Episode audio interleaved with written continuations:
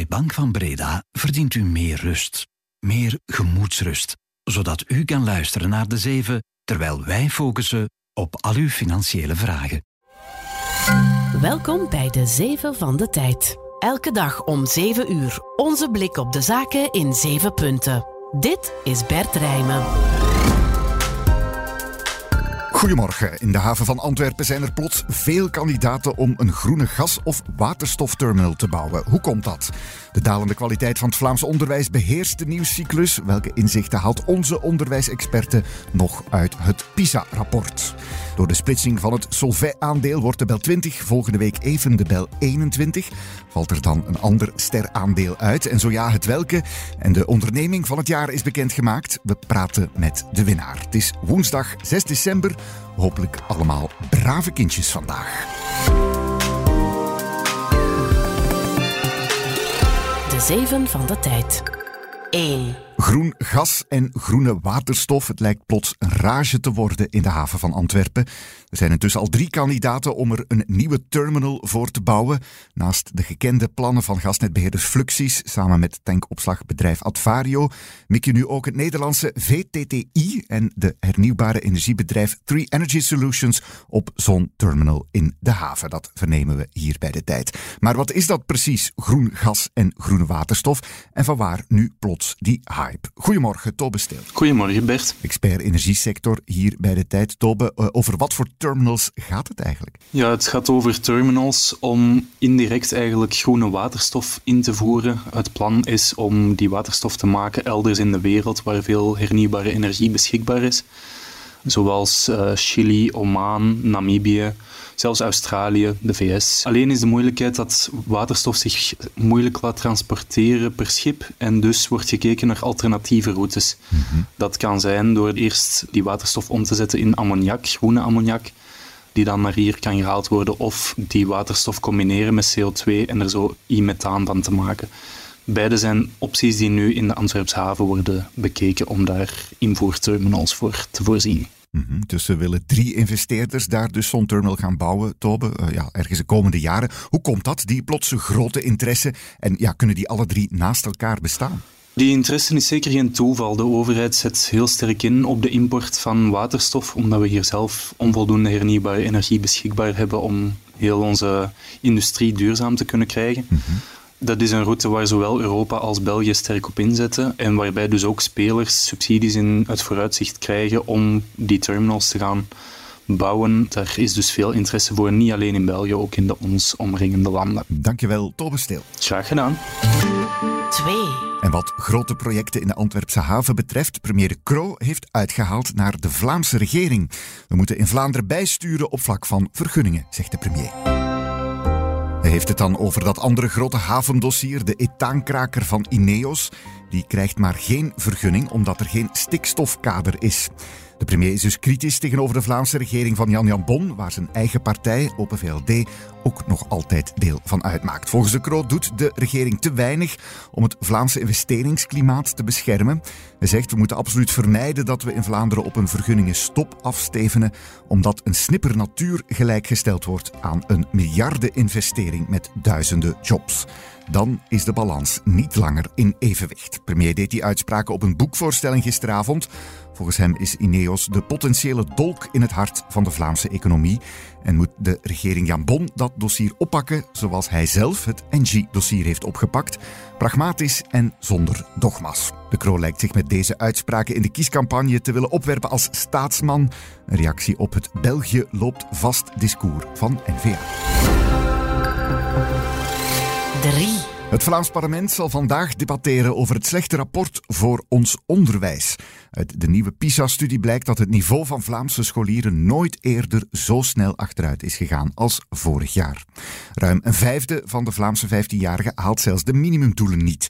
Oppositie noemt dat rampzalig en chockerend. Onderwijsminister Wijt zegt dat de nodige structurele maatregelen al genomen zijn, maar dat het nog jaren zal duren voor die effect hebben.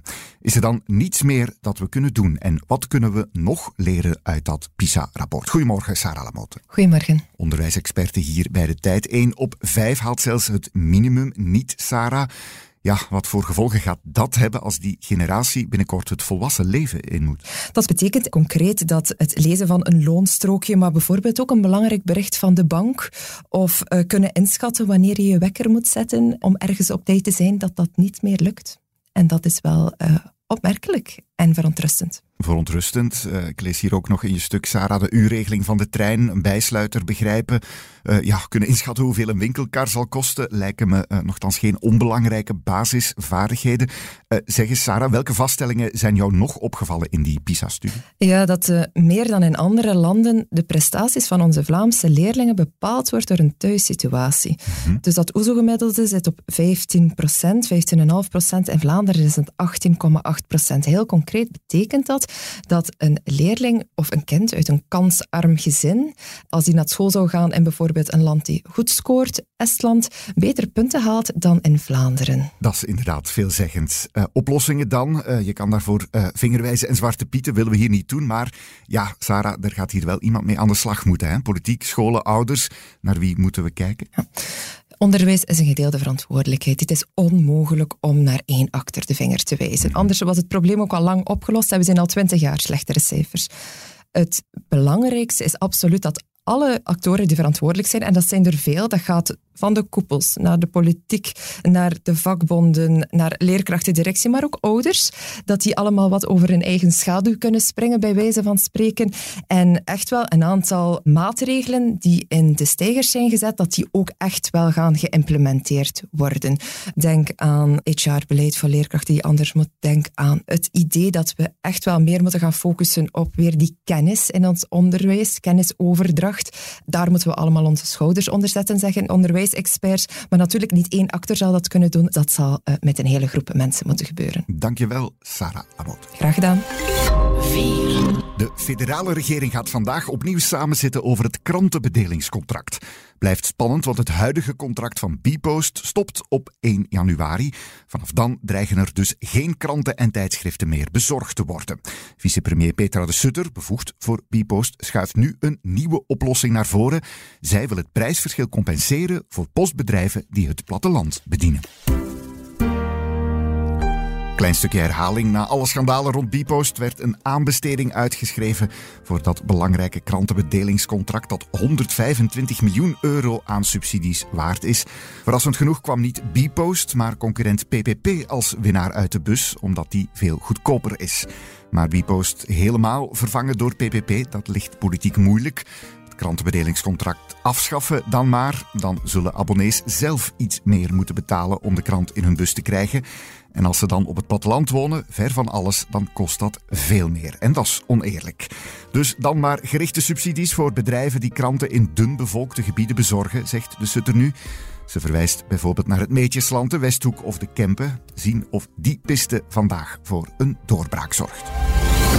5. Wordt de bel 20 eventjes de bel 21? Belangrijke dag vandaag daarover op de beurs in Brussel. Het zogenoemde Indexcomité komt immers samen om zich te beraden over de splitsing van chemiereus Solvay in twee bedrijven. Mega-operatie voor de groep zelf natuurlijk. Alle traditionele activiteiten, natriumcarbonaat en coatings bijvoorbeeld, die komen in Solvet 2.0 terecht. En de groeiactiviteiten, met onder andere polymeren en batterijonderdelen ook, gaan naar het nieuwe ScienceCo. Maar ook voor de beurs is het nu even in de haren krabben, want Solvay zit in die bel 20, de sterrenindex. En daar zit je vanaf maandag dan plots met 21 aandelen. Wie zal eruit vallen en wat betekent dat voor de belegger? Goedemorgen, Christophe de Rijken. Goedemorgen Bert. Chef van de beleggerredactie hier bij de tijd. Eh, Christophe, een speciale situatie nu. Plots hebben we een bel 21. Wat kan er nu gebeuren? Wel, Euronext zal gedurende één week toelaten dat er 21 bedrijven uh, in de bel 20 komen. Maar daarna moet er eentje uit. En Vanavond zal Euronext beslissen wie dat dan wordt. En er zijn eigenlijk twee opties, Bert. Mhm. Ofwel valt het afgesplitste bedrijf eruit, dat is dan Science Co. Ofwel blijft Science Co er gewoon in.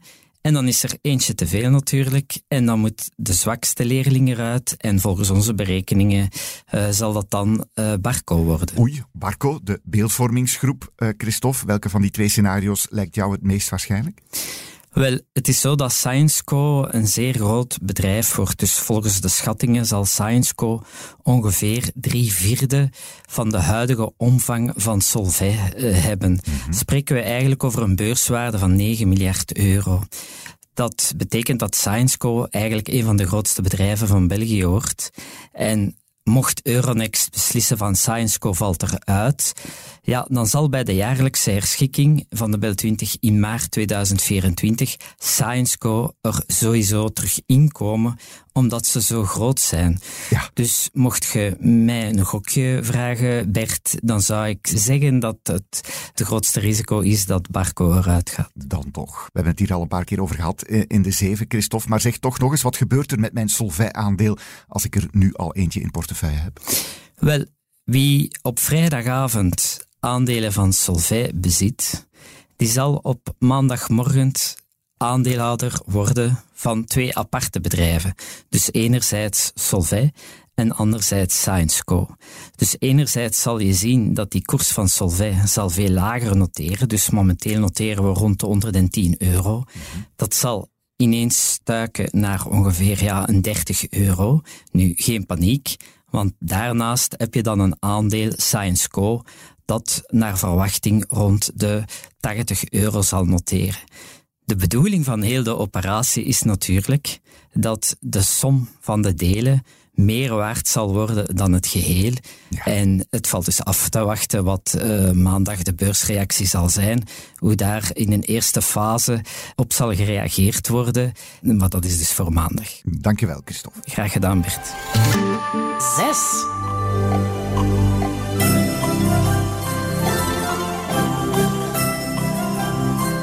Waar kijkt onze beleggerredactie nog naar uit vandaag?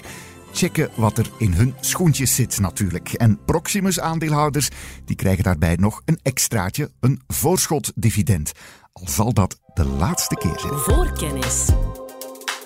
Proximus keert straks een voorschot van zijn dividend uit, 50 cent bruto per aandeel.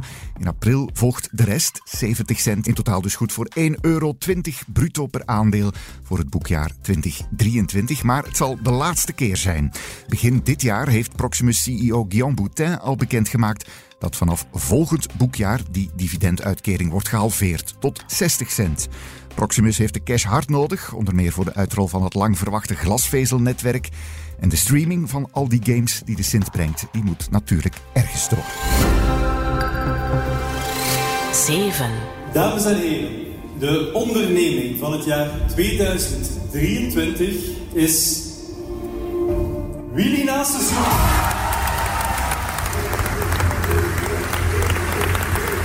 Willy, Willy, de fans skanderen de naam van de winnaar van de onderneming van het jaar award die de Tijd en partner EY elk jaar uitreiken, gaat deze keer dus naar de Willy Nasus Group. Marijan was door het dolle heen en de big man himself natuurlijk ook. Ik ben een gelukkige man. Ik had nooit gedacht dat ik zou gerenommeerd worden als nummer 1.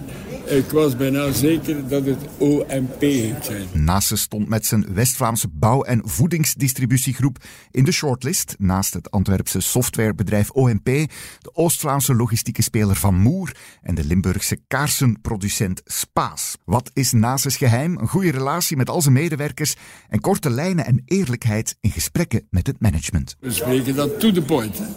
To the point. Aangenaam of niet aangenaam. Hè? Dat geeft een uh, zekere controle en onze verticale integratie. Dat is het succes van Willy Nasus. De juiste mensen, uw mensen motiveren en dankbaar zijn voor uw mensen. En dat tonen. Mijn medewerkers, ik ga die mensen eh, zeker uh, een keer tracteren. Dat is beloofd. De jury heeft het over een rasechte ondernemer die zijn bedrijf heeft doen uitgroeien tot een goed georganiseerde multinational. Nasus is intussen 84. Hij bekijkt de bekroning dan ook een beetje als een Lifetime Achievement Award. Maar stoppen, ja, Nasus zou wel willen, maar zijn vrouw... Het is één ding die spijtig is, dat mijn vrouw niet wil stoppen van werken. En ik ga niet alleen naar thuis gaan zitten. Ofwel wil ik iets anders doen. Tot nu toe, ja, we zullen zien. Hè. Dan nog maar even voortoen. En zolang dat duurt, trekt de Willinasis groep niet naar de beurs. Zolang dat ik erbij ben, blijft het bij ons een familiebedrijf. Waarom? Een familiebedrijf kun je veel meer motiveren. En geluk nu dat ik vijf kleinkinderen heb, die alle vijf, ik zie dat ze alle vijf geïnteresseerd zijn. Maar lifetime achievement of niet, ondernemer zijn is niet altijd roze geur en maneschijn.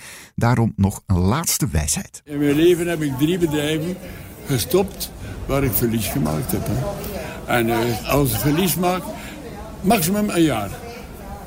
En toen.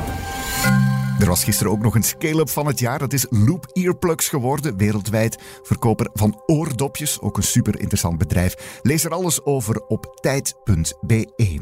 Voilà, hopelijk heb je genoten van deze de zeven. En nu het einde van het jaar eraan komt, willen we van jou weten wat je vindt van deze dagelijkse podcast. Te lang, te kort, te druk of te saai of andere onderwerpen met andere stemmen. Laat het ons weten via de enquête die we hebben opgesteld. Dan kunnen we deze de zeven nog beter maken. Het is een korte vragenlijst. Je fietst er op vijf minuten door en je kan dan een draadloze hoofdtelefoon winnen. Ga naar tijd.be slash de 7 en vul de enquête in. Ik steek de link ook in de show notes. Alvast bedankt en tot morgen. Dit was de 7 met Bert Rijmen. Productie door Roan van Eyck van op de redactie van De Tijd. Voor meer business en straffe nieuwsverhalen, check tijd.be of onze app. Morgen zijn we er weer. Tot dan.